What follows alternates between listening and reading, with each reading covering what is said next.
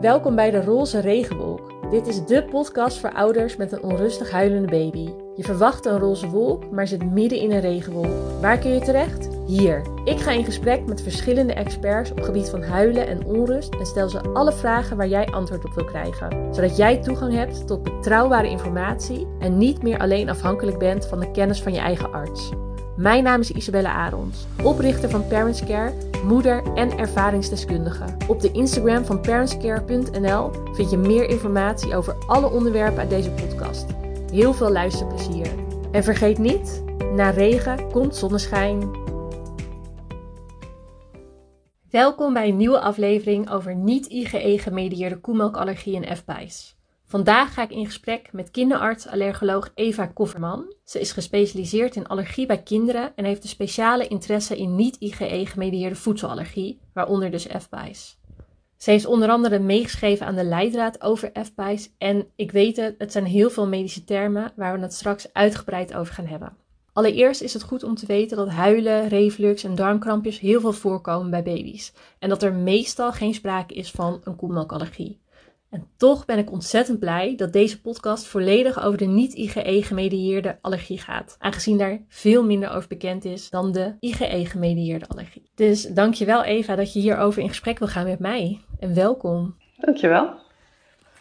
Om maar gelijk in het onderwerp te duiken, zullen we beginnen bij ehm, wat is voedselallergie eigenlijk en wat is het Ja. verschil tussen IgE en niet-IgE? Dat is een hele mooie vraag. Eh, en zelfs daar kun je nog behoorlijk over discussiëren, ook in wetenschapsland. Eh, maar een voedselallergie vinden wij een immunologische reactie op voeding. Dus dat betekent dat je afweersysteem iets herkent in die voeding. En iedere keer als dat voedingsmiddel voorbij komt, gaat je afweersysteem reageren. Dan noemen we het een voedselallergie. Oké. En die antistof of dat IgE, wat is dat dan precies? Nou ja, dus een van de manieren waarop je afweersysteem kan reageren is door antistoffen te maken. Eh, en dat is eh, de type 1 allergie is IgE. We kennen allerlei types allergie. Ehm, en dat wordt gemaakt door bepaalde cellen, dat zijn je B-cellen. Eh, en dat IgE dat gaat dan vervolgens op andere cellen zitten en dat geeft een probleem als er dan weer dat voedingsmiddel voorbij komt. Dan plakt dat daaraan en dan gaan die cellen kapot en dan krijg je heel veel klachten. Dat noem je de IgE-gemedieerde klachten. Waar we het dan over hebben is de klassieke allergie, die eigenlijk bijna iedereen wel kent. De klassieke pindaallergie bijvoorbeeld, dat je eh, dikke ogen krijgt, dikke lippen krijgt, benauwd kan worden en onder de bulten gaat zitten. Dat noemen we IgE-gemedieerde klachten. Dat is één van de vormen van allergie, maar wel de allerbekendste en meestal ook een van de ernstigste. Ja. Ja, alle andere allergieën qua voeding kun je niet IgE-gemedieerde allergie noemen. Die term komt ervan dat we vroeger eigenlijk alleen maar wisten van, oh, dat, dit is hoe het werkt, IgE maak je, dat is je allergie en de rest is geen allergie, werd er dan gezegd. En nu zeggen we nee, er bestaan wel meer vormen van allergie. We denken dat het immuunsysteem nog wel meer reacties kan tonen. En dan noemen we dat bij elkaar de niet-IgE-gemedieerde allergieën. Een enorme lange term, die pas een jaar of tien echt gebruikt wordt. Daarvoor werd hij eigenlijk niet gebruikt. Oké. En wat, wat is dat dan voor soort allergie? Nou, dat is dus een groep eigenlijk hè, van reacties waarvan we nog steeds denken van nou, dat moeten dan immunologische reacties zijn. Dus je afweersysteem maakt een reactie. Heel even een uitstapje, dat is iets heel anders dan bijvoorbeeld een lactose-intolerantie. Bij lactose-intolerantie heb je een probleem met de enzymen in je darm die de lactose, het suiker van melk, niet kunnen afbreken. Dat is geen allergie. Dat is heel duidelijk van nee, je mist dat enzym. Lactase heb je niet, of te weinig, of het is tijdelijk verminderd. Mhm. En daarom heb je klachten, maar daar komt je immuunsysteem niet echt bij kijken. Dan gaan je afweercellen niet, die herkennen niet iets. Je mist gewoon een stofje. Ehm, maar we weten dus, er zijn echt wel eh, veel kinderen die reageren met steeds weer op hetzelfde voedingsmiddel, want dat moet zo zijn en het moet steeds weer uit te lokken zijn. Dus een allergie is niet van, oh ja, soms heb ik meer last en soms heb ik eigenlijk helemaal geen last. Soms eet ik een hele grote hoeveelheid, gaat prima. Andere keer krijg ik er buikpijn van, dan is het geen allergie. Want het moet een immuunreactie zijn en dat immuunsysteem is er altijd. Dus die herkent het iedere keer weer. Ja. Eh, maar we weten dus, eh, we wisten al heel lang, er zijn ook kinderen waarbij we geen IgE vinden, maar die wel reageren op steeds weer dezelfde voedingsmiddelen.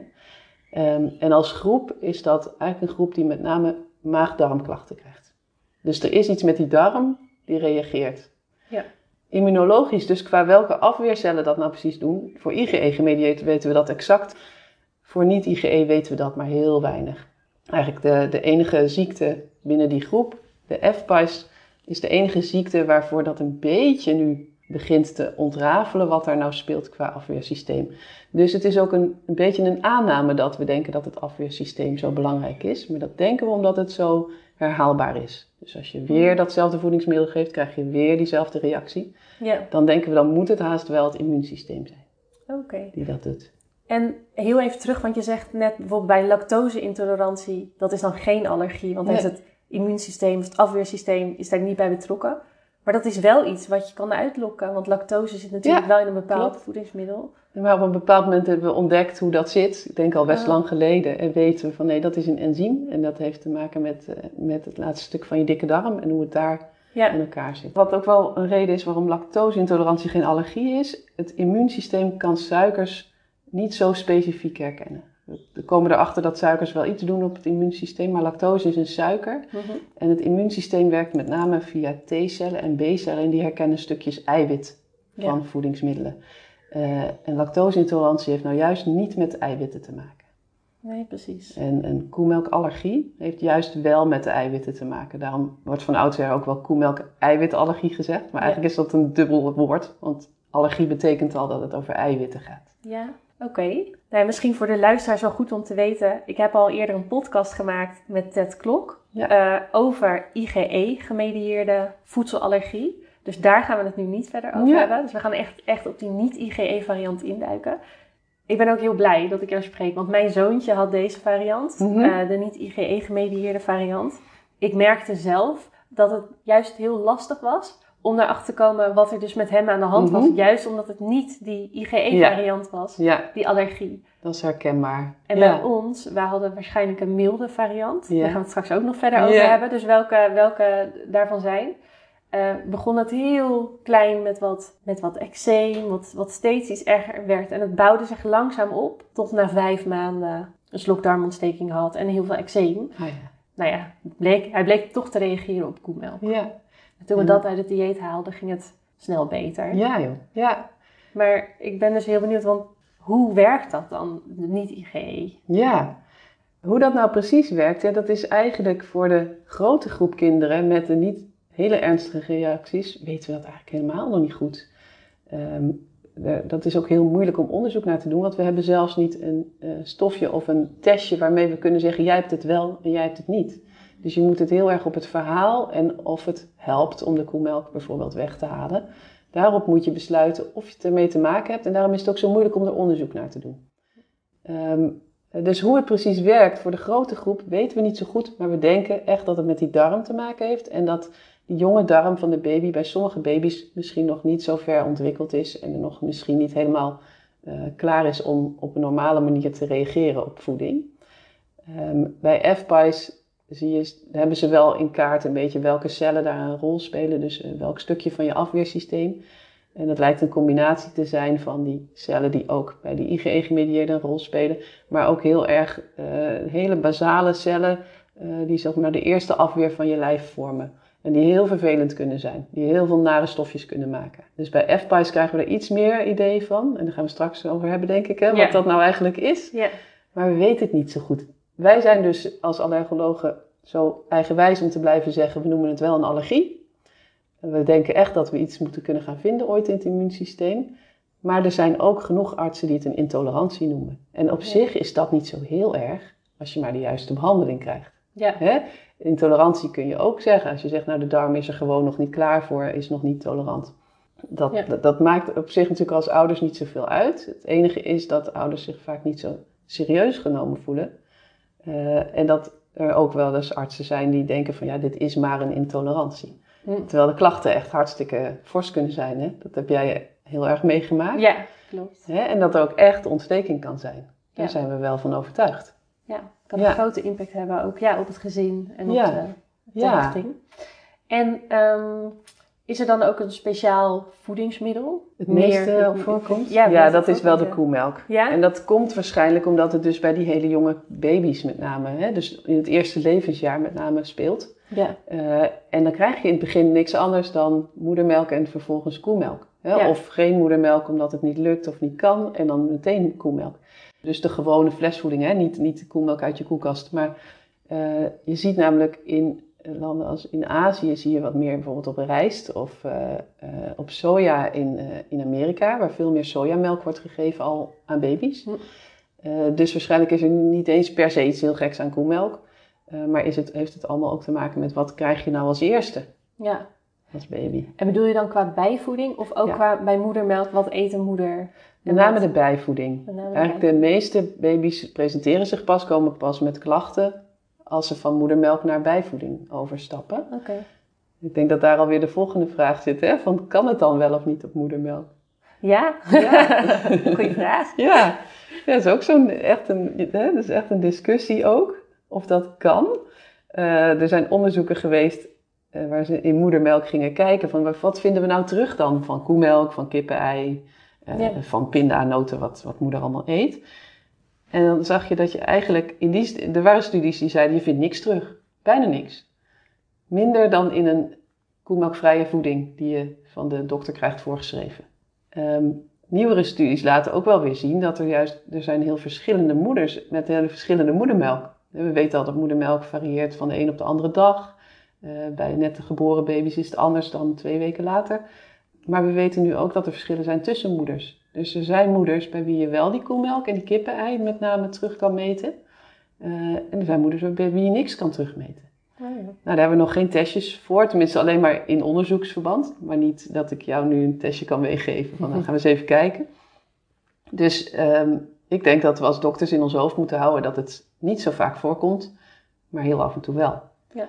En dat betekent dus dat de moeder, waarbij een kindje dan nou ja, toch wel allergisch reageert, dat er een grotere kans is dat er een stukje eiwit terug te vinden is in de moedermelk. Ja, dat, dat is dan onze dan hypothese. Ja, dat hebben we niet hard gemaakt nog. Nee, oké. Uh, ik denk dat je in het algemeen mag stellen dat het echt wel zeldzaam is. Dus dat meestal, en dat zien we ook in onze uh, praktijk, de meeste kinderen en ouders komen op het moment dat ze die overstap hebben gemaakt. Ja. Dan zien ze een groot verschil. En dan vind ik het ook heel belangrijk dat als moeders, als het gewoon prima ging met de moedermelk, met de borstvoeding, mhm. en het probleem kwam bij de bijvoeding, bij de flesjes, ga dan alsjeblieft niet je dieet aanpassen als moeder. En dat zeg ik omdat het voor moeders heel veel impact heeft, hartstikke ingewikkeld is. Uh, en soms ook echt tot deficiënties leidt. Dus dat je als moeder eraan onderdoor gaat, omdat je allerlei voedingsmiddelen niet meer krijgt. Mm en als je je dieet gaat aanpassen, ga dan naar een diëtiste om dat heel goed te doen. Want je bent juist zo belangrijk als bron van voeding voor je kind. Dus je moet als moeder echt gezond blijven. Ja. Uh, maar het is dus, als, je, als het duidelijk is dat het bij de moedermelk gewoon prima ging en dat er iets met die flesjes niet fijn ging. Nou, als je dan als moeder denkt, ik wil nog wel een, een tijd door met de moedermelk, dan is dat dus een hele goede keuze en dan hoef je niet te veranderen. Nee, nee. Het is wel goed dat je dat zegt, want ik krijg namelijk ook vaak terug van ouders die dan bij een kinderarts geweest zijn. Die zeggen je kunt beter stoppen met moedermelk en dan dus overgaan op Die een koemelkvrije een, voeding. koemelkvrije voeding, ja. ja. Nou ja, dat zou ik alleen maar zeggen als ik echt denk dat het dus door dat het, de klachten echt onder de moedermelk enorm zijn. Ja. En dan alsnog zou ik het alleen maar op proef even doen. Dus ik zou zeggen, ga even kolven dan. En kijken of die koemelkvrije voeding helpt, want dat is wel de eerste stap. Hè. Het moet dan ook wel echt helpen. Ja. Soms lost het probleem zich sowieso spontaan op. Hè. Dus daarmee heb je nog niet bewezen dat het dus door de koemelk kwam. Als je het echt wil bewijzen, doe je daarna een provocatietest. En als je het echt netjes wil bewijzen, doe je die dubbelblind. Dan pas heb je een koemelkallergie bewezen.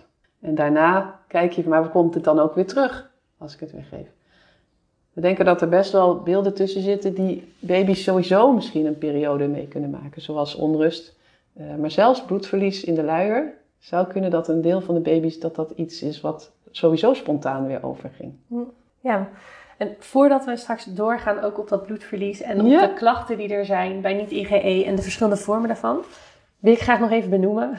Ja. Uh, wat mij nog het, een van de dingen die me het meest is bijgebleven, ook bij de podcast van met, met Ted, die ook hierover ging, onder andere, is dat hij zei: als je als moeder volledige borstvoeding wilt geven. En je moet toch die eerste weken gaan bijvoeden, omdat de borstvoeding nog niet goed op gang is gekomen of wat dan ook. Dan, ja, ik weet niet of hij precies zo zei dat hij het aanraadt. Maar dan, dan zou het eventueel beter kunnen zijn om voor een niet-koemelk variant te kiezen om de kans op klacht? Ja, dat is, ik ben benieuwd hoe jij Ja, daarin de- de- staat. Terwijl nou, je juist zegt, ja. als je er dus voor kiest om het bijvoeden te blijven doen, of juist volledig op de fles over te gaan, dan, gewoon, dan is er niets aan de hand. Dan kun je gewoon koemelkvoeding doen. Dan gaat het gewoon heel goed samen. Als je het maar constant blijft, blijft aanbieden. Ja, en ik snap helemaal eh, wat hij zegt. Dit is echt, nu kom je op het echte hot item in de koemelkallergie. We weten het nog niet zo goed. Maar wat we wel weten, is alles wat Ted heeft uitgelegd hè, over het vroeg eten van pinda en ei en waarschijnlijk ook noten, dat dat voorkomt dat je die IgE-gemedieerde allergie krijgt. Ehm, er zijn heel veel aanwijzingen dat dat ook voor koemelk geldt. Dus ik ga het even vanaf de andere kant benaderen. Te lang wachten met koemelk geven, om welke reden dan ook, of het nou niet die gemedieerde koemelkallergie is of een hele andere reden, kan gevaarlijk zijn. Met name bij kinderen met eczeem. Die krijgen, als je te lang wacht met koemelk geven, hebben ze steeds meer kans dat ze uiteindelijk die ernstige gevaarlijke koemelkallergie krijgen. Als je baby puur eczeem heeft, dan moet je eigenlijk niet gaan denken aan een voedingsmiddel wat eruit moet. Dan is het heel belangrijk dat je juist dat eczeem heel goed gaat behandelen. Ehm, en dan kan het op een hele veilige manier. En daar is wel hormoonzalf voor nodig vaak. Ehm, maar dat is juist om die ontsteking te verminderen. En dat wil je ook eigenlijk, want je wil niet dat die huid zo agressief ontstoken is, omdat dat dan weer die immuunreacties geeft. Hè? Maar toch zeggen veel ouders ja, maar toen mijn baby eh, uiteindelijk koemelkvrij kreeg, werd ook het eczeem beter. Ik vind, je moet er dan vanuit zijn gegaan dat die baby dus darmproblemen heeft. Mhm. En dan ga je kijken, gaat die koemelkvrije voeding daar iets op doen? Hè, zoals we het er net over hadden. En dan zie je soms dat ook het eczeem beter wordt. Dat is niet omdat het een koemelkallergisch eczeem was. We zijn daar helemaal van afgestapt van de gedachte dat, het, dat de koemelk rechtstreeks iets op het eczeem doet. Wel is het zo dat eczeem een soort uiting is van het hele welzijn van de baby. Dus als die baby ziek is van de koemelkallergie, zal het eczeem ook opvlammen. En als dus die ziekte van de darm weer een stuk beter is, zal het eczeem ook wel weer beter kunnen worden. Maar het is dus juist onveilig om puur op basis van eczeem een koemelkvrije voeding te gaan geven. En dat weten we, dat zijn nou juist de kinderen die die IgE-gemedieerde allergie kunnen krijgen. Dus dat is de ene kant. Hè. Vandaar dat hij zegt, als je eenmaal begint met het flesje, ga gewoon door. Ehm, wat je nou moet doen in de kraamweek, daar zijn hele wisselende studies over. Dus dat is heel moeilijk. Moet je nou juist wel met koemelk bijvoeden, dus de gewone flesvoeding, hè? Niet, niet de koemelk uit je koelkast, maar Ja. flesvoeding bevat koemelk.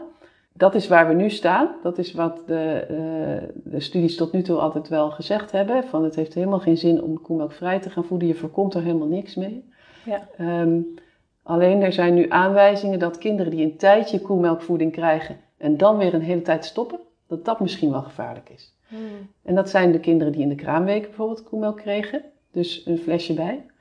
Maar dat zijn ook juist de kinderen die koemelkflesjes kregen en dan met niet IgE-gemedieerde klachten stoppen met koemelk en dat dus een hele tijd niet gebruiken. Ook die kinderen lopen een verhoogd risico om uiteindelijk die, juist die andere vorm van koemelkallergie te krijgen, waar je vaak minder snel van afkomt en die heel ernstig kan zijn. En dat is waarom ik zo kritisch ben op eh, zomaar zelf de koemelk weghalen, eh, terwijl dat niet met een arts is overlegd. Ja. Want dat heeft dus, weten we nu, sinds een aantal jaren, en we weten dat echt ieder jaar komen er nieuwe studies bij, heeft waarschijnlijk juist, kan hele nare gevolgen hebben. En ik heb jammer genoeg ook die voorbeelden gezien. Ja. Oké, en als we het dan nu over die niet-IgE... Ja. Want er zijn dus verschillende vormen. Wil je daar iets over vertellen? Van, Ja. van mild naar ernstig. Eh, ja, en dat is hoe we het in Nederland een beetje hebben ingedeeld. Eh, want ja, je kunt wel tien verschillende indelingen van eh, niet-IgE vinden. Mhm. Hè. Ehm, wat we in Nederland zeggen is, het zijn de, de darmklachten van de jonge baby's. Eh, de jonge kinderen, want soms loopt het nog wel langer door hè, dan de baby. Mhm. Maar het begint vaak op babyleeftijd. Het gaat om darmklachten. Ehm, de grote groep kinderen heeft eh, een beetje algemene klachten. Doet het gewoon niet lekker, huilt veel, eh, spuugt meer. En dat is juist de lastigste groep, want daar zitten waarschijnlijk ook een heleboel andere oorzaken in. En dan is er een specifieke groep met FPIES en een specifieke groep met bloed in de luier. Ehm, ik weet niet welke je als eerste wil bespreken. Nee, dus we hebben het net dan over die grote groep gehad. Ja. Met die milde variant, zou ik hem dan zo noemen? Ja, hoewel het mild ook een. We hebben dat zo genoemd, mild tot ernstig. Maar ik weet ook wel dat dat natuurlijk voor ouders ook niet fijn kan zijn. Want met mild bedoelen we niet dat het voor ouders ook prima te doen is. Hè? Nee. En dat de baby happy is. De baby is helemaal niet happy. Nee. Maar we weten wel eh, dat het daar waarschijnlijk niet zoveel schade doet als je weer eens een keer pro- eh, koemelk uitprobeert. En dan specifiek voor die groep, wat zijn dan de meeste klachten die daarbij horen? Eh, met name onrust, huilen, maar wel met darmklachten erbij. En hoe groot die groep is, is dus zo moeilijk te onderzoeken, want we weten, we hebben geen testje om te zeggen jij wel, jij niet. We Mhm. kunnen het alleen maar onderzoeken door dan netjes eerst weg te halen, kijken of het helpt en dan weer toe te voegen. Ja. En dan bloed in de luier, zeg je? Ja, dat is een eh, bekende, die, die kennen we al tientallen jaren. De, hele oude kinderartsen weten dat ook, dat kinderen soms baby's bloed in de luier hebben. En eh, het lijkt erop dat een deel van die baby's goed reageert op koemelkvrije voeding. Dat het dan heel snel weer over is. Maar wat vaak wordt achterwege wordt gelaten, is het dan snel weer uitproberen om te bewijzen dat het zo is. Omdat Ja. bloed in de luier best wel spannend is, hè? daar schrik je echt van. Wat, wat, ik kan me er geen voorstelling van maken. Wat, moet ik, is het een sliertje bloed of is het een Ja, het kan een beetje variëren. Eh, meestal is het bij iedere luier een beetje bloed. Echt rood bloed of zwart Ja, bloed? rood bloed. Rood. Ja, Eh, want we denken dat het een ontsteking is van het laatste stukje van de darm. Eh, Oké. dan is het nog rood, weet Ja, je. ja. Ehm, maar er zijn dus ook ehm, wetenschappers die zeggen... nee joh, maar waarschijnlijk heeft een hele grote groep heeft iets wat baby's vaker hebben... en dat gaat gewoon over. Eh, dus er wordt ook wel aangeraden om eerst eens twee weken sowieso af te wachten. Als je baby het goed doet. Ik heb het nu niet over een hele zieke baby... maar heel veel, vaak zijn dat gewoon hele blije, vrolijke baby's verder... die zelf helemaal niks in de gaten hebben. Maar als ouders en als dokters sta je wel te kijken van jeetje, zit er weer bloed in die luier. Ja. Eh, maar het zou best wel eens kunnen dat, dat baby's dat misschien soms hebben, dat we nog helemaal niet zo goed weten waarom. En dat het ook wel weer overgaat. Ja. Ehm, dus je zou best dus even kunnen afwachten als de baby het verder heel goed doet. Lekker blijft groeien, lekker blijft drinken. En blijft het dan aanhouden, dan kun je kijken of koemelkvrije voeding helpt. En dan, met name ook dokters zijn dan best wel een beetje huiverig om het weer te starten. Hè, weer uit te proberen. Maar eh, mensen die zich er dus verder in verdiept hebben, zeggen dat het soms al na twee maanden weer over is. Oké. Dus dat je het weer zou kunnen geven. Ja. Eh, het algemeen wordt aangehouden bij de leeftijd van 12 maanden weer geven. Maar misschien wordt dat wel, dat advies wel, veel vroeger. En wat bedoel je met mensen die zich daar verder in verdiept hebben? Nou ja, dus de, de wetenschappers in Engeland zitten er een aantal die daar veel over schrijven. Oké. En die, eh, daar hou ik me ook een beetje aan. En die zeggen van, nou, je moet echt wel eerst twee weken wachten. Voordat je er iets aan gaat veranderen. Want anders zit je heel snel in je, vast in je gedachten van, het komt dus door de koemelk. Terwijl het misschien wel gewoon was overgegaan. Hmm. En het kan ook bijvoorbeeld door een infectie komen. Nou, dan weet je het vaak wel. Van hij is echt heel ziek en nu wordt hij weer beter. Het knapt weer op. En is dat met het bloed in de luier, is dat dan eigenlijk al vanaf het begin? Vanaf het eerste moment dat zij, dat zij dus, nou ja, een bepaald allergeen, dus koemelk in dit geval, tot zich krijgen? Of, of ontwikkelt zich dat? Nou, vaak wel een beetje in het begin, maar dat, daar durf ik niet een keihard antwoord op te geven. Oké. Ja. En is het dan elke luier? Is dat een soort van must? Of, of nee hoor, we hebben, helemaal geen, we hebben helemaal geen criteria voor. Geen criteria We hebben voor. helemaal niet een lijstje van zo moet het in elkaar zitten. Het is grappig genoeg vaak helemaal niet zo ernstig. Alleen, je schrikt je helemaal wild natuurlijk. Ja. Ik zou dat ook hebben als ik de luier van de baby openmaak en ik zie dat? Ja. bloed. En is dit dan, heeft dit een spe- speciale naam? Ja, allergische proctitis noemen we dat. En proctitis betekent dat het het laatste stukje van de darm is. Oké. En er zijn uitzonderingen. Er bestaan ook baby's met allergische colitis. Dus dan zijn ze hartstikke ziek van de hele darm. Maar die zijn hartstikke ziek. Oké. Dan zie je een zieke baby die niet meer wil groeien. Ja. Dat is wat de baby doet. Hè? De baby laat zien of hij gezond is of ziek. Met name ook door zijn groei. Oké. En, en bijvoorbeeld dan dat FPIAP, als ik het goed Ja, dat is die allergische proctitis. Dat is allergische Het is een hele lange term. Ja. Food protein induced. Het komt door, wat, door de eiwitten in de voeding. Allergische proctitis. Oké. Dus eh, Ja. ja. ontsteking van het laatste stukje van de darm. En dat andere wat je nu net noemt, dat is iets Ja, dat zie je heel, heel af en toe, maar echt, eh, ik denk dat ik, nog, hè, dat ik het misschien maar één keer heb gezien. Dat is de allergische colitis. Daar weten de kinder-MDL-artsen ook wat meer vanaf. Ja, Dat is echt zeldzaam. oké. En dan ben je dus met je baby in het ziekenhuis. En is iedereen aan het kijken, wat is er aan de hand met deze baby? Want hij wil niet groeien. Hij zegt, blijf maar spugen, blijf maar diarree. Ja. Maar het is wel heel goed om dat te noemen, dat dat dus bij dat FPIAP eh, het laatste stukje van de endeldarm is. Ja. Die waarschijnlijk ontstoken raakt, want ik sprak ook een, een moeder die dacht, waar komt dat bloed nou vandaan? Ja. Is dat ergens in het lichaam een bloeding? Ja, Maar je zegt, nee, als het ik. groot is, dan is het echt het laatste stukje. ja dus bloed inderdaad bij de mens is een rode vlag. Letterlijk rood. Je schrikt je wild. Ja. Maar eh, medisch gezien hoeft dat dus niet zo te zijn. En medisch weten ook dokters allemaal, dat leren we in onze opleiding. Rood bloed komt uit het laatste stuk.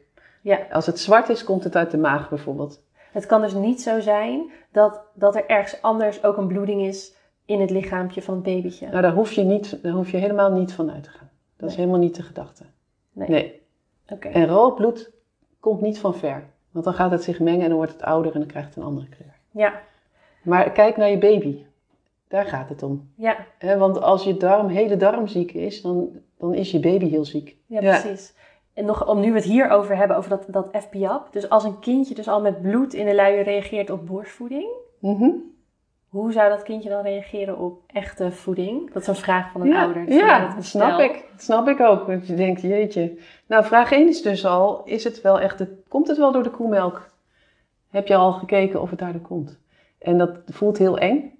Hè? Maar ik denk dat je dat moet doen. Omdat bij het grootste deel is het of al over na een paar maanden. Of Ja. is het eigenlijk misschien wel nooit de koemelk geweest. Maar was het misschien ook anders wel overgegaan.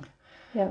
Ehm, en ik ken nog geen voorbeelden van, eh, nou het was bij de borstvoeding al en daarna bleek het echt verschrikkelijk te zijn.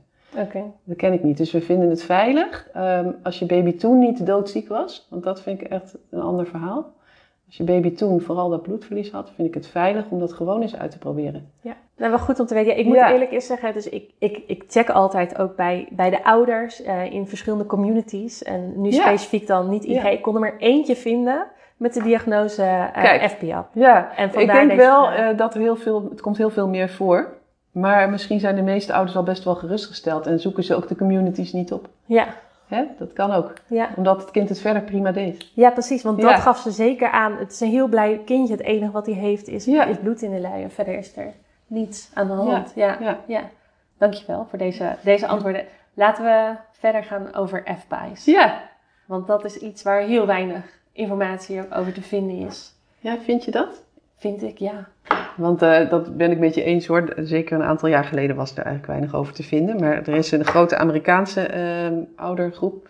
eh, een moeder die dat aangesticht heet. En die hebben de web, heeft en die hebben de website fpies.org gemaakt. fpies.org. Eh daar kan je veel vinden. Oké. En in Nederland hebben we dan de leidraad FPIES. Die is natuurlijk eigenlijk niet voor ouders, maar die mag je gerust lezen. Maar die is natuurlijk voor de dokters geschreven. Om, Ja. hoe ga je ermee om? En hebben we ook wel artikelen in het Nederlands tijdschrift voor geneeskunde en eh, op andere plekken geschreven om meer uitleg te geven. Ja. Eh, wat het is. Ja, nou ja, Ja. ja. wat, wat is het inderdaad? Eh, dan ga ik het eerst hebben over de acute FPIES, want daar weten we goed wat het is. En acute FPIES zijn kinderen, baby's, ook weer meestal onder de 1 jaar wanneer het begint, die heel hard gaan spugen, 1 tot 4 uur nadat ze een bepaald voedingsmiddel hebben gegeten. En dat is, dat is zo verwarrend voor dokters, want eh, die klassieke allergie, die IgE-gemedieerde, is altijd binnen 1, hooguit 2 uur en meestal al na een kwartier. Dus dokters kunnen wel eens denken, nou ja, helemaal nergens aan denken. Die denken helemaal niet aan een allergie. Die, die vragen misschien, wat heb je in de afgelopen twee uur eh, gegeven aan je baby? Eh, en dan zeggen ouders misschien wel van, oh nee, de afgelopen twee uur niks. Of ja, gewoon de standaard melk. Dus er wordt door dokters niet meteen aan gedacht. Ook omdat het alleen maar spugen is en een heel ziek kind op dat moment. Eh, geen huid, geen bulten, geen luchtwegproblemen, niet benauwd. Zelfs als dat zo is, bulten en luchtwegproblemen, dan is het geen FPIES. Dat, dat is het criterium. Het is heel hard spugen. Zo erg spugen dat ze, ze blijven dus een tijd lang spugen en worden slap en bleek bij. En ouders eh, zeggen ook vaak, het leek echt bijna alsof hij doodging. Zo ziek. Oké. Dus alle moeders en vaders die luisteren en denken, mijn baby spuugt ook best wel eens, dan is het geen FPIES. Het gaat echt om dat jij denkt, het gaat nu helemaal niet goed met mijn baby. Ze kunnen wel heel snel opknappen en dat is ook zo verwarrend voor dokters. Soms als je in het ziekenhuis komt, gaat het al wat beter. Maar meestal als ze een nachtje worden opgenomen, zijn ze de volgende dag helemaal beter. En is iedereen dus weer eh, gerustgesteld, behalve de ouders, want die hebben echt iets heel naars meegemaakt. Ja. Eh, maar hebben dat niet heel erg goed kunnen laten zien, omdat het soms op het moment van aankomst in het ziekenhuis al een beetje beter ging. Hè, en dat, dat is best wel, kan best wel traumatisch zijn. En vaak zijn het de ouders die als eerste doorhebben, ja maar wacht eens, dit is nu twee keer gebeurd bijvoorbeeld. En twee keer na hetzelfde product. En langzamerhand gaan steeds meer dokters en zeker kinderartsen weten echt wel wat FPIES is. Maar dat was tien jaar geleden niet zo. Dus dan werden ze niet goed begrepen daarin en niet geloofd. Ja. Dat is heel naar, maar dat is echt nu wel beter. Elk ziekenhuis heeft wel eh, een paar kinderartsen die echt geïnteresseerd zijn in allergie. Ze zijn echt niet allemaal kinderarts-allergoloog, dat zijn er maar een stuk of twintig in Nederland. Maar in ieder ziekenhuis zijn zeker één of twee kinderartsen die eh, zich wel laten bijscholen en die daar echt van af weten. Ja. Dus daar mag je ook naar vragen als je hieraan denkt. Ja. Oké, dus FPI's is het dan dus ook, kan het al na, na, een, fle- na een flesvoeding zijn? Of is het echt met name vaste hapjes? Of- Eh, nee, het kan dus, het meest komt het voor op koemelk. Dus dat zijn toch wel de baby's die dus overgestapt zijn van borstvoeding naar flesvoeding. Eh, en op dat moment, eh, soms duurt het een paar dagen, maar die dan wel echt heel hard gaan braken. Ehm, maar het bestaat ook op vaste voedingsmiddelen. En ook daar weer denken we, het gaat weer om die eerste voedingsmiddelen die de baby krijgt waarschijnlijk. eh, waar je het het meest op ziet. Want het heeft waarschijnlijk iets met die darm te maken die dan nog niet helemaal rijp is, zeggen we wel eens. Of nog niet zo goed eh, functioneert als bij de meeste baby's. Ja. Dus het zijn ziektes die. FPIES ontstaat op jonge leeftijd eh, en vaak op die eerste voedingsmiddelen. Ja. Bij de meeste baby's gaat het maar om één voedingsmiddel en daarvan is de grootste groep is, is koemelk. Oké. En twee vragen nu even hierover. Maar, want het is dus belangrijk, het kindje spuugt dus binnen 1 tot 4 uur heel veel. Ja. Eh, dus het is niet teruggeven als Nee. een reflux. Het is echt Nee. meer eerder projectielachtig braken zie ik dan voor me. Gewoon Ja, echt- het hoeft, niet met, het hoeft niet projectiel, maar het kan wel dat het met veel kracht gaat. Maar het gaat om echt herhaaldelijk veel spugen. En echt overgeven. Ja, Dus echt. met, met, met, met Ja. buikspieren, maar zeggen, Ja. met kracht. Het lichaam Nou ja, kracht, de kinderen worden juist slap, meestal. Zijn er echt heel ziek bij. Terwijl ze overgeven, zijn ze slap? Of was dat dan daarna? daarna of tijdens. Maar soms zie je al, ik heb het bij provocaties wel gezien, dat het kind al een beetje in zichzelf keert voordat hij begint met spugen. Oké. Een beetje niet meer reageert op de omgeving. Eh, lethargisch noemen we dat. Dus eh, ja, passief. Ja, Maar ook echt slap. Dus slappe pop. En En- bleek. Dus eh, echt een, een buiten bewustzijn of dat niet? soms. Soms wel. Ja. Ja, Dus dat is waar we het over hebben. Niet over de baby die regelmatig spuugt. Nee. Dan zou je aan die an- de grote groep kunnen denken. Ja. Maar ook daar hoef je dan dus niet altijd aan te denken. En dit is dan acute FPI, zoals Ja. het wordt genoemd. En dat kan op, dus de grootste groep is op koemelkproducten. Ja. Maar het, zou dus ook op alle andere dierlijke en plantaardige Ja, producten dat kunnen zou voorkomen. kunnen. En ook daar zien we dus wereldwijd verschillen. Want we zien dat nou juist dus in sommige landen meer op rijst en andere landen meer op soja. In Amerika zien ze het echt veel meer op soja. Hm. Ehm, maar het gaat dus waarschijnlijk om die eerste voedingsmiddelen die je buiten de moedermelk eh, binnenkrijgt. En we zien het dus ook wel eens op vaste voedingsmiddelen. En dat is heel spannend, want bijvoorbeeld je baby heeft het eh, op een banaan. Dan denk je, ja, maar mag ik al die andere fruitsoorten dan nog wel gaan proberen? Ja. Meestal eh, blijft het bij die ene banaan. En een klein groepje, 20%, 15%, die heeft het op wat meer producten. Eh, maar dat maakt het spannend. Dus daarom heb je dus hulp nodig van een, een kinderarts die er wat vanaf weet, maar met name ook een diëtist die er echt wat vanaf weet. Eh, dan moet dus echt een allergiediëtist zijn. Ja. In Nederland zijn die allemaal aangesloten bij DAVO, D-A-V-O. Eh. Dus daar mag je best even naar vragen. Van, heb, je, heb je echt scholing in, in FPI's? Ja. En dan hou je de literatuur bij. Wij werken ook heel fijn samen met de diëtisten van DAVO, die zelf ook echt eh, zich op de hoogte blijven houden van nou, welke voedingsmiddelen horen een beetje bij elkaar bij FPI's en in welke landen is dat dan zo. Ja, want als je in Amerika vraagt en je zegt, hij heeft koemelk FPI's, mag die nou soja? Zeggen ze absoluut niet, meer dan de helft reageert erop. In Nederland hebben we inmiddels de gegevens bij elkaar en zien we dat eigenlijk nooit. Gaat soja steeds weer goed. Ja. Dus het lijkt heel erg uit te maken met wat is er in je omgeving, wat krijg je als eerste binnen. Ehm, en daar moet een dokter en een diëtist moeten daar wel van op de hoogte zijn. Ja. Ehm, maar als je dokter het niet precies weet, want ik weet het ook niet altijd precies, dan vraag het dan aan de diëtist die daar wel verstand van heeft. Ja. En dat is gewoon omdat we de taken ook een beetje verdelen. Ja. Ja, dat is hun expertise. Ja, precies. En, en wat is dan die andere variant? Die chronische variant? van Ja, dat, daar is discussie over of we dat zo moeten noemen en of dat niet een andere naam heeft die vroeger al bestond. FPE, Food Protein Induced Enterocolitis. Maar als we het heel eh, duidelijk afbakenen, gaat het dan om hele jonge baby's. Zeker niet boven de vier maanden, dus echt onder de vier maanden.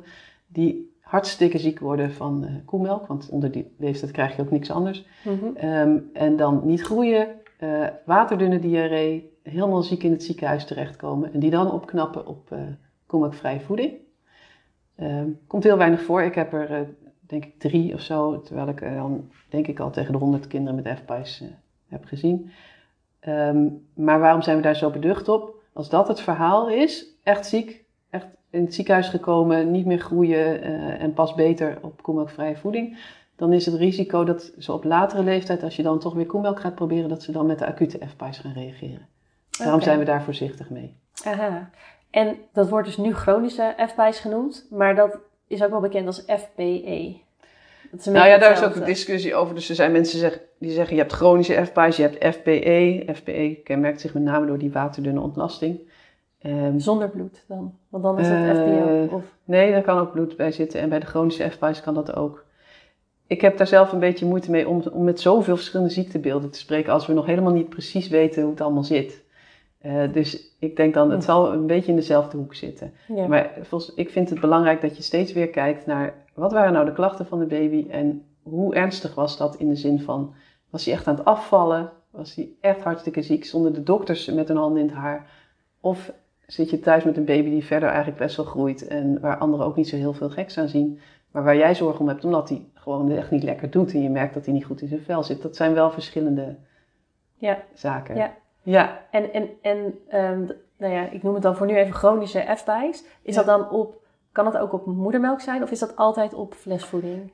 Dat zou ik echt even moeten opzoeken of dat nou inmiddels beschreven is dat het op moedermelk kan. Het is super zeldzaam. Maar die drie is dus gevallen die jij... Sowieso zeldzaam. Ja, en twee van die drie gevallen zijn door anderen naar mij toegestuurd. Zo van, zou dit het kunnen zijn? Hè? Dus de ene Oh, ja. die ik zelf heb opgepikt is er dus zeg maar één. Ja, Die Ja, ik zelf in het ziekenhuis had en dacht van, hé, hey, dat zou het wel eens kunnen zijn. ja, Ja. ja, precies. Oké. En, en qua aantallen, wat, hoe vaak komt bijvoorbeeld FBI's voor? Is er een database? Ja, eh, wij zijn een database aan het maken. Alleen ja, eh, of iedereen erin krijgt is maar de vraag. Hè? Dat zal wel niet. Eh, Mhm. We hebben een aantal ziekenhuizen die hun gegevens met ons delen als ouders dat goed vinden. Gewoon anoniem. Ja. Om vooral te kijken wat komt er nou het meeste voor. Hoe snel gaat het over. Want dat hebben we nog niet benoemd. Maar eigenlijk alle niet-IgE-gemedieerde allergieën gaan over. Heel vaak al snel. Heel vaak al als ze 12 maanden oud zijn of nog eerder. Ja. FPI's vaak iets later. Dus dat willen we voor Nederland in kaart krijgen, want er zijn wel best wel wat artikelen uit Amerika en uit Azië te vinden. Maar het lijkt erop, dat, en in Israël ook wel, dat het in Nederland ook weer anders zit. Oké. Eh, Dus hoe vaak komt het voor?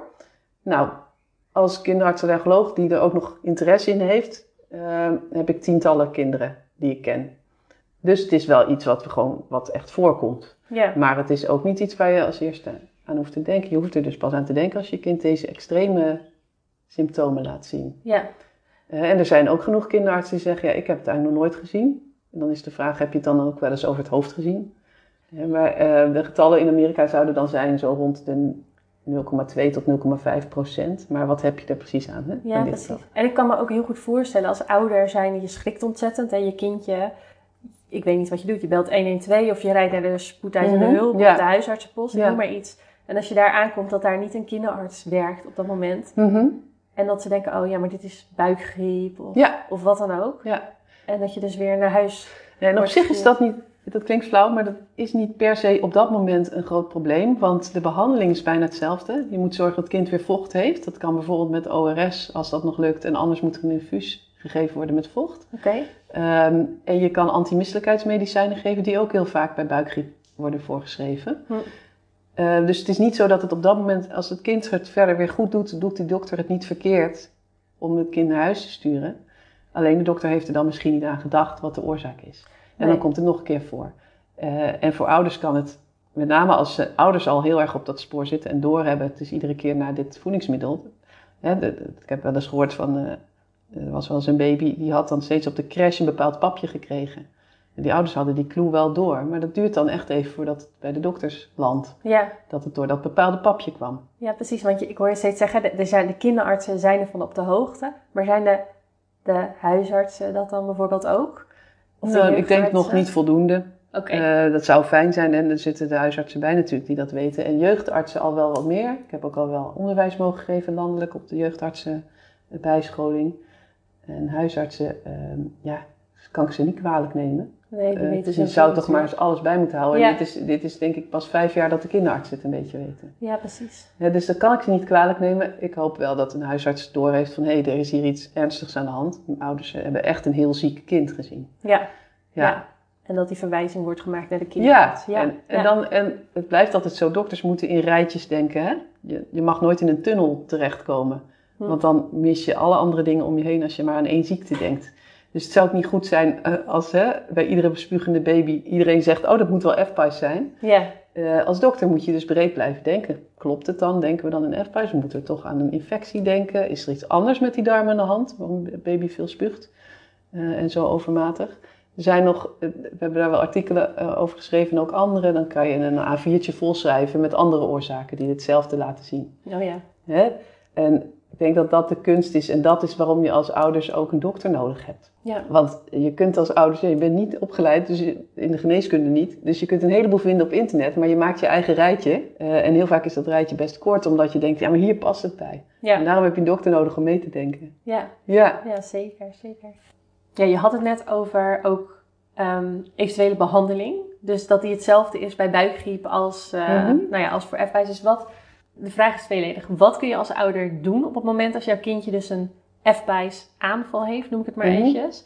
En wat voor medicatie is er? ja. Wat voor behandelingen? Nou ja, in principe, hè, een, een kind met F-buis, een baby met F-buis heeft dagelijks geen klachten. Zolang je maar niet dat voedingsmiddel geeft waar die ziek van wordt. Ja. Hè, dus je hoeft op de normale dagelijkse basis hoef je niks bijzonders dan gewoon goed voor je baby zorgen, zoals iedereen dat doet. Ehm, bij een aanval, daar heb ik het altijd over in de spreekkamer. En we hebben in die leidraad ook zo'n noodplan eh, voorbeeld gemaakt. Het is goed dat ouders goed weten wanneer, wat ze dan moeten doen. Ehm, en dat is dus, je hebt 1 en 2 nodig. Want sommige kinderen verliezen zoveel vocht, die raken zoveel vocht kwijt door het spugen, maar waarschijnlijk ook in de darm en dat komt dan later als diarree eruit. Dat ze gewoon echt vocht nodig hebben en eh, dat kan soms ook nog wel een infuus nodig zijn. Ehm, daarom maken wij altijd een brief en die geven we dan mee, zodat ouders als ze 112 bellen kunnen zeggen, mijn kind heeft een ernstige allergie. En dan kunnen ze die brief geven, want niet iedere ambulancemedewerker kent F-pies. Ja. Hè, Een groot deel niet. En het kan dus zijn dat ze zeggen: Ik zie geen bulten, ik zie geen benauwd kind. Eh, je hoeft niet per se mee naar het ziekenhuis. Oké. Dus ik schrijf daarom eh, schrijven we op die brief: waar hebben we het nou over? Het is wel een, eh, een medische situatie die beoordeeld moet worden in het ziekenhuis. En we weten dan dat veel kinderen er echt wel overheen komen als ze een fles ORS drinken, bijvoorbeeld. Ehm, maar sommigen hebben dus een infuus nodig om weer dat vocht bij te tanken. Ja. Eh, en dan is er nog een medicijn, eh, dat heet ondansetron. En dat werkt wel goed tegen de misselijkheid. Eh, maar dat ja, zou ik niet bij voorbaat gebruiken. Maar op het moment dat je denkt van... hé, hey, mijn kind is nu, heeft nu een F-pies-reactie... dan kun je dat proberen alvast te geven. Dat is natuurlijk een drankje en je kind is aan het spugen. Ja. Dus dat is hartstikke moeilijk. Maar ik geef het mee voor het geval dat het lukt. Eh, en in het ziekenhuis kunnen ze dat in een infuus geven. Als het nodig is. Oké. En, en even over het overgeven dan. Want waarom geeft dat kind zoveel over? Ja, Hoe, hoe ja werkt dat? het maar. ja, ja. Ehm, maar ehm, de gedachte is dus, het heeft met het immuunsysteem te maken, het heeft met de darm te maken en het heeft met de hersenen zelfs en de zenuwen te maken. Dat is nu de gedachte. Eh, want dat middel wat zo goed werkt, die ondansetron, die werkt juist ook op de stofjes van de hersenen en de zenuwen in. Dus er is een soort, dat weten we, alles communiceert met elkaar in je lijf. Dat is echt wel heel mooi als je daar verder over nadenkt. Maar eh, er is dus ook een communicatie tussen de hersenen en, eh, en de darmen. En andersom, weten we ook op latere leeftijd. Hè? Nou ja, Mhm. je krijgt buikpijn als je zenuwachtig bent. Dat is al de, de combinatie, de, de, de connectie die daar ligt. Maar waarschijnlijk is bij F-Bice heeft die as, zeg maar, zo noemen we dat, die gut-brain axis, heeft ook een eh, bepaalde functie. Eh, en dat je misschien wel dus vanuit je brein zo hard kan gaan braken. Eh, en nu wordt daar zelfs een driehoek van gemaakt. Zeggen ze, het is de hersenen, het brein en het immuunsysteem. Die met elkaar in interactie hebben. Ik denk dat het nog best een tijd kan duren voordat we dat heel goed snappen. Maar we hebben gelukkig al wel hè, dat antimisselijkheidsmedicijn, wat bij veel kinderen wel goed werkt. Ja, maar we moeten ook gewoon het probleem op dat moment oplossen en dat vocht weer teruggeven aan de baby. ja. En ehm, ja, misschien een gekke vraag hoor, maar nee, ik, zit, ik zit aan twee dingen te denken. Aan de ene kant eh, is dat braak heeft misschien een functie, dus wil je dat dan wel stoppen? En aan de andere kant kun je het ook geven voordat je bijvoorbeeld eh, koemelk geeft. Eh, Ja, zodat ik het zeg wel eens, ja, ik- snap je? ja, maar ik zou dus niet dan koemelk gaan geven. Nee. Ik zeg wel eens van, nou stel je haalt hem op van de crash en ze zeggen, oh sorry, we hebben dit of dat gegeven. Ja, Dan kan ik me voorstellen dat je dat eh, middel bij een foutje dat je dan Ja, snel dat, omdat middel geeft. Het Ja. kindje heeft nog niet gebraakt. Misschien kunnen we het voorkomen. Maar dat, is, dat zeg ik helemaal op persoonlijke titel. Want het is niet onderzocht Nee. of dat nou een goed idee is. En ik zou zeker niet willen dat ouders dit regelmatig gaan geven. Want het is ook nog wel best een pittig middel hoor. Ja, Wat vroeger eigenlijk alleen eh, bij chemotherapie bijvoorbeeld werd gegeven. En langzamerhand steeds meer bij, eh, bij kinderen en baby's.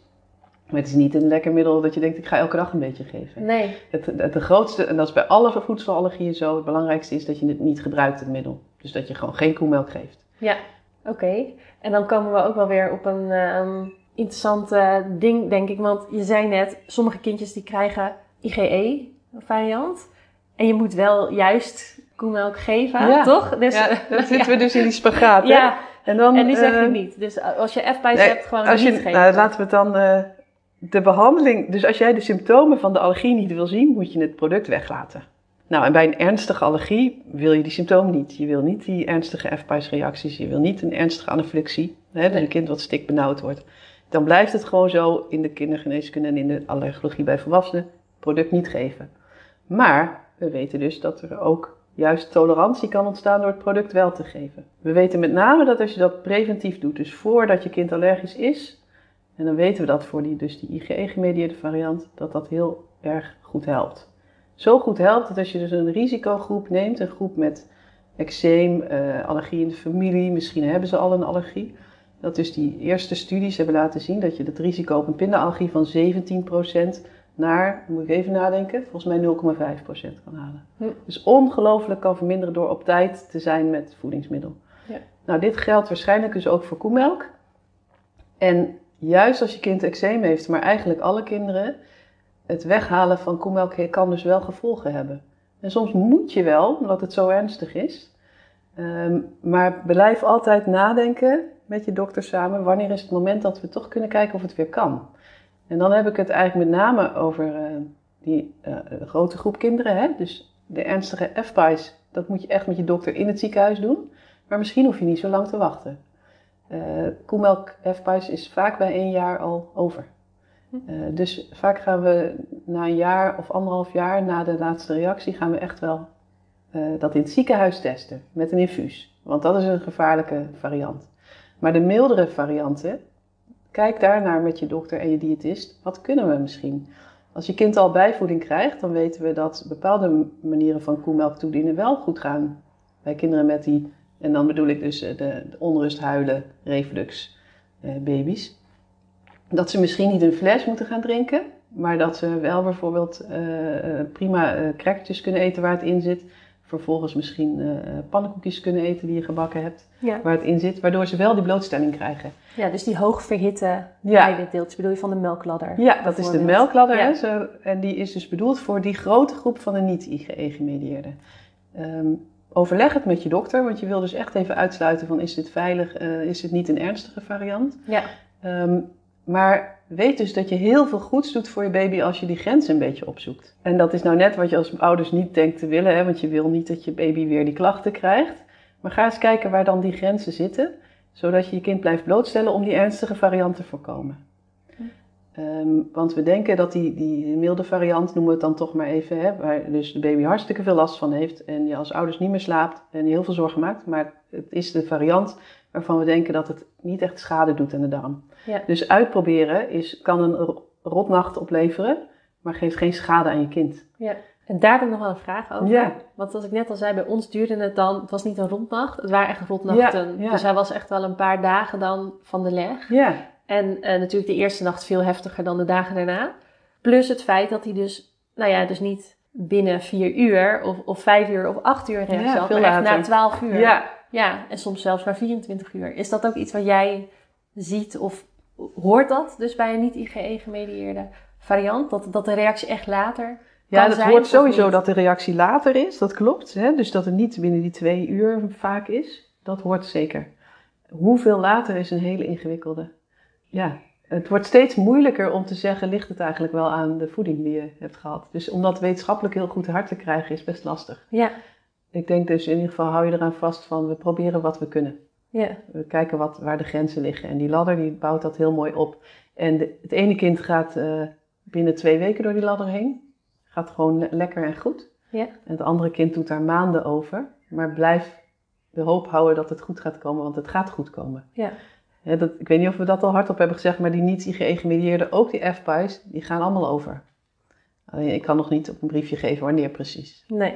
Uh, de IgE-gemedieerde gaat bij sommigen ook nog over. Uh, maar bij een grote, daar is het grote aandeel waarbij het niet over gaat. Nee, nee, precies. En ik heb nog twee specifieke vragen over FBI's. Eentje gaat over erfelijkheid en een ander gaat over de oorzaak. Ja. Laten we even met die oorzaak beginnen, ja. als je dat goed vindt.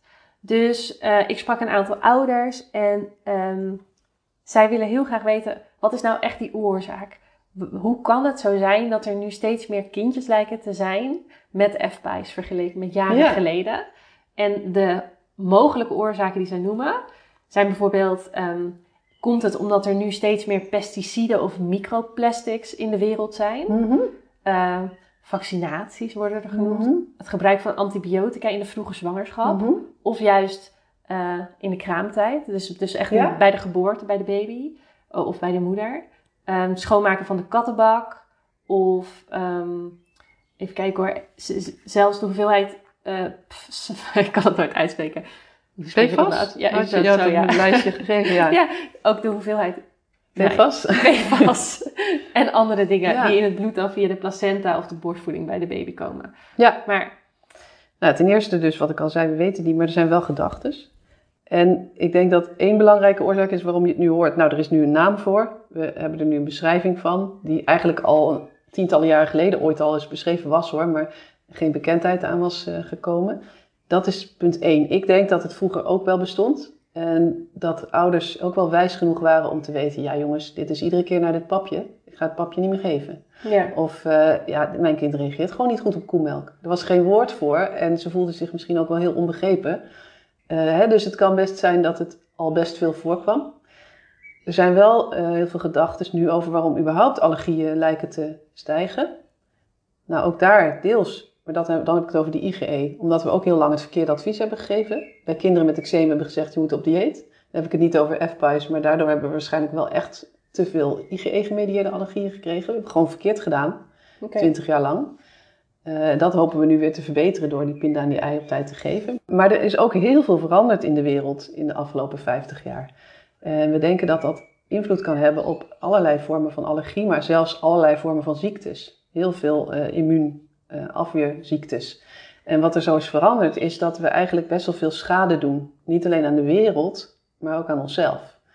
Eh, we zijn diesel eh, gaan stoken en auto's op diesel gaan rijden. We zijn allerlei stofjes in de wasmiddelen gaan stoppen en in vaatwasmiddelen en in onze eigen shampoos en spullen waar we mee ons wassen. In onze voedingsmiddelen is van alles terechtgekomen. We halen het niet meer uit de moestuin. Soms wel als het je hobby is, daar hadden we het net samen over. Ja. Hè, maar eh, er wordt veel natuurlijk verwerkt en er worden allerlei eh, stofjes bijgestopt in je, in je voeding. Eh, en zo werk, werk je eigenlijk de barrièrefunctie van je lichaam tegen. We maken met al die stofjes misschien wel onze darmbarrière een beetje stuk, onze huidbarrière een beetje stuk en onze, zelfs onze luchtwegen misschien wel. Ehm, er zijn een heleboel voorbeelden en een aantal noemden ze, eh, ouders dus ook, hè, die misschien daar wel invloed op hebben. Daar kan je zelf als ouders niet zo heel veel aan doen. Eh, je zou eens kunnen kijken wat zit er in de zeepen die we gebruiken voor de baby en zo. Maar ehm, eh, dat is ook gewoon wel hoe de wereld nu is. En we hopen natuurlijk dat dat ook weer een beetje verbeterd gaat worden. Voor het milieu, maar ook voor onze eigen gezondheid. En bij FPI's denken we wel dat die darmbarrière wel een rol speelt. En ik vind die suggestie van die antibiotica, die is, dat is ook eh, een hele wijze suggestie. Je darm wordt deels beschermd door je eigen bacteriën. Mhm. Ehm, en die baby die moet die bacteriën heel mooi opbouwen als eh, de baby geboren wordt. En we weten al dat je bacteriën anders zijn als je bijvoorbeeld met een keizersnede geboren wordt of vaginaal. Want vaginaal krijg je allerlei bacteriën alvast van je moeder mee. En dat zijn goede bacteriën. En we weten ook dat je bacteriën veranderen als je antibiotica krijgt als baby. Of je moeder heeft zelfs antibiotica gehad. Het, de hele gezondheid van de moeder en het krijgen van antibiotica in de periode voor de zwangerschap, tijdens de zwangerschap daarna, heeft misschien allemaal wel invloed op hoe die baby's darm zich ontwikkelt. Oké. En ook daar geldt weer, ja, je kunt jezelf niks kwalijk nemen, want je zal, als je antibiotica hebt gehad, dat echt niet voor niks hebben gehad. En de- die reden is veel belangrijker. En we schrijven op de kraamafdeling ook regelmatig antibiotica voor de baby's voor, om te voorkomen dat ze hartstikke doodziek worden. En dan mag je even nadenken van, wil ik het voor mijn baby of niet? Maar is dat vaak op dat moment echt acuut nodig? Maar het zou kunnen dat dat soort dingen invloed hebben. Dat zijn allemaal gedachten, dus niet zo zwart op wit. eh, hè? Het gaat niet eh, zo verspreiden van zo is het. Mhm. Ehm, maar we denken dat dat soort dingen wel een rol spelen bij het ontstaan van allergische ziektes. En we kunnen ons best wel voorstellen dat dat bij FPI's ook echt wel van belang is, die darm. Ja. Maar Ja. het is een beetje een gevoel. Dat is, klinkt een beetje flauw, maar ik heb ook wel voorbeelden van kinderen die echt een darmprobleem hadden gehad. eh, Daar ook medicatie voor hadden gehad en dan daarna FPI's krijgen. Oké. Alsof je toch iets van schade hebt gedaan. en Op wat dan- latere leeftijd is dat dan? Of als Nou, een beetje de, de maanden daarna, Oh ja. zeg maar. Ja. Oh. En ehm, hoe zit dat dan met, met bijvoorbeeld probiotica? ja, Kan dat, Dat- dan hel- hoe, ja, hoe kijk jij daar naar, laat ik het zo zeggen? Nou dat dat vast een rol speelt, hè, want we weten ho- hoe belangrijk die ba- bacteriën zijn. Ja, Eh, en er wordt steeds meer duidelijk wat, welke probiotica dan eh, van belang zouden kunnen zijn. Ik durf er nooit zo heel goed een heel goed advies over te geven, zeker niet bij de allerjongste baby's. Ehm het is allemaal nog een beetje in onderzoek. ja, Dus ik hoop dat we over een paar jaar dat heel duidelijk kunnen zeggen van nou deze jonge, jongste baby's eh, mag je er een beetje bij geven. ja, Ehm, maar ik zou er nu ook niet te veel mee experimenteren. nee, nee. Oké. En qua erfelijkheid, er zijn een ehm, aantal ouders die daar graag wat meer over willen weten. Dus is er bijvoorbeeld bij een volgend kindje een grotere kans dat die ook F-bijs eh, ontwikkelt? Of, Ja, dat Of lijkt het- wel mee te vallen. Ik heb nog Ja? geen voorbeelden van twee broertjes of zusjes die het hadden. oh, ik heb Eh, toevallig, ja, ja? toevallig een tweeling met Oh, allebei ja. F-bijs. Jeetje, ja. Nee. En ik heb dat nog even nagezocht, want ik zag je vraag al staan. En nee, het is nog niet bewezen. Het is wel zo dat er eh, eh, veel meer allergie in het algemeen voorkomt in families waar kinderen F-pies krijgen. En we zeiden al, hè, ze krijgen ook vaker daarna toch een IgE-gemedieerde allergie. Ehm, dus allergie in het algemeen is er wel mee geassocieerd. Maar eh, ook de laatste gegevens op een rijtje zeggen nog niet dat je nou echt moet waarschuwen voor het volgende kind. Oké. Dus gewoon weer met goede, frisse moed opnieuw beginnen bij de volgende baby. Ja. En Ja. hoe zit dat dan met een kindje die zelf F-bijs heeft gehad? Kan die dan weer een kindje krijgen met F-bijs? Een grotere Ik denk kans dat ze dat nog niet weten, want ze hebben nog geen, geen kinderen. Nee. Hè, degene die we nu goed in kaart hebben. Ja. Ehm, maar nee, daar zijn geen aanwijzingen nog voor. Wel dus dat er dus in zo'n familie gewoon meer allergie voorkomt. Ja. En we denken dat dat dus veel meer ook juist te maken heeft met hoe je barrières zijn aangelegd. Oké. In het algemeen. En nog laatst, aller, allerlaatste vraag. Ja. Want hoe, tot hoe, welke leeftijd komt dit voor, F-bijs? Eh, het begint eigenlijk altijd jong. Eh, dus meestal onder het jaar, soms iets later. Als ze, hè, het bestaat bijvoorbeeld ook op vis, eh, als ze dat wat later pas gaan eten. Ehm, de meeste kinderen zijn er met 1, 2 jaar overheen, maar dat hangt een beetje van het voedingsmiddel af. En het bestaat wel dat het langer blijft. 3, 4, 5 jaar oud. Eh, maar dan hebben we het met name bijvoorbeeld over die vis f-pies. Hm. De koemelk f-pies is toch echt vaak al eh, veel sneller over. Dus wij hebben met elkaar afgesproken dat we 1 tot 1,5 jaar na de reactie echt opnieuw testen. Ja. En met vis bedoel je dan schaaldieren of gewoon ook Ja, ook wel vis. eh, tilapia heb ik een, een keer een kindje gezien. Oh ja. En vis zien we dan weer meer in de Middellandse zeegebieden dat dat voorkomt. Maar- Ja. Ja. Ja. precies. En wat gebeurt er dan dat- dat je daar overheen groeit? Is dat, eh, dat weten we nog niet. Nee, nee, Nee, nee, oké. inmiddels weet je het antwoord bijna. We Ik weten niet zo goed, ik maar het zal nog iets met die darm zijn. Hè? Darm en het immuunsysteem die zich verder ontwikkelen. Oké. Ja. Maar je kan er dus echt overheen groeien. En Je groeit er bij de overheen. vijf, bij de, Punt. Oké, Je groeit er groeit overheen. er hoe dan ook overheen. Dus Er zijn wat vijf discussies jaar- of het op volwassen leeftijd bij sommige mensen ontstaat op vis. Eh, dat is een gedachte. Maar we kennen nog geen voorbeelden van kinderen die inmiddels eh, op de basisschool, die 6, 7, 8 zijn. Ik ken ze nog niet, eh, die het nog steeds hebben. Nee. Oké. En dat geldt voor die hele groep niet die gemedieerd. Die groeien er overheen. Nou, dat is wel mooi om mee af te sluiten. Ja, dat is fijn hè? Ja. Hey, heel erg bedankt Eva voor je Ja, tijd. graag en gedaan. het beantwoorden van alle vragen. Ik weet zeker dat heel veel ouders hier ontzettend veel aan hebben. Mooi, Ja. En fijn. zorgverleners natuurlijk. Ja, Ja, dankjewel. oké. Ja, dit is alweer het einde van deze aflevering. Wil je mij helpen? Beoordeel dan de podcast door op de sterren te drukken en druk op volgen als je dat nog niet deed. Delen via social media kan natuurlijk ook. Hoe meer bereik, des te meer ouders en zorgverleners de podcast kunnen luisteren. Dan ben ik je echt ontzettend dankbaar.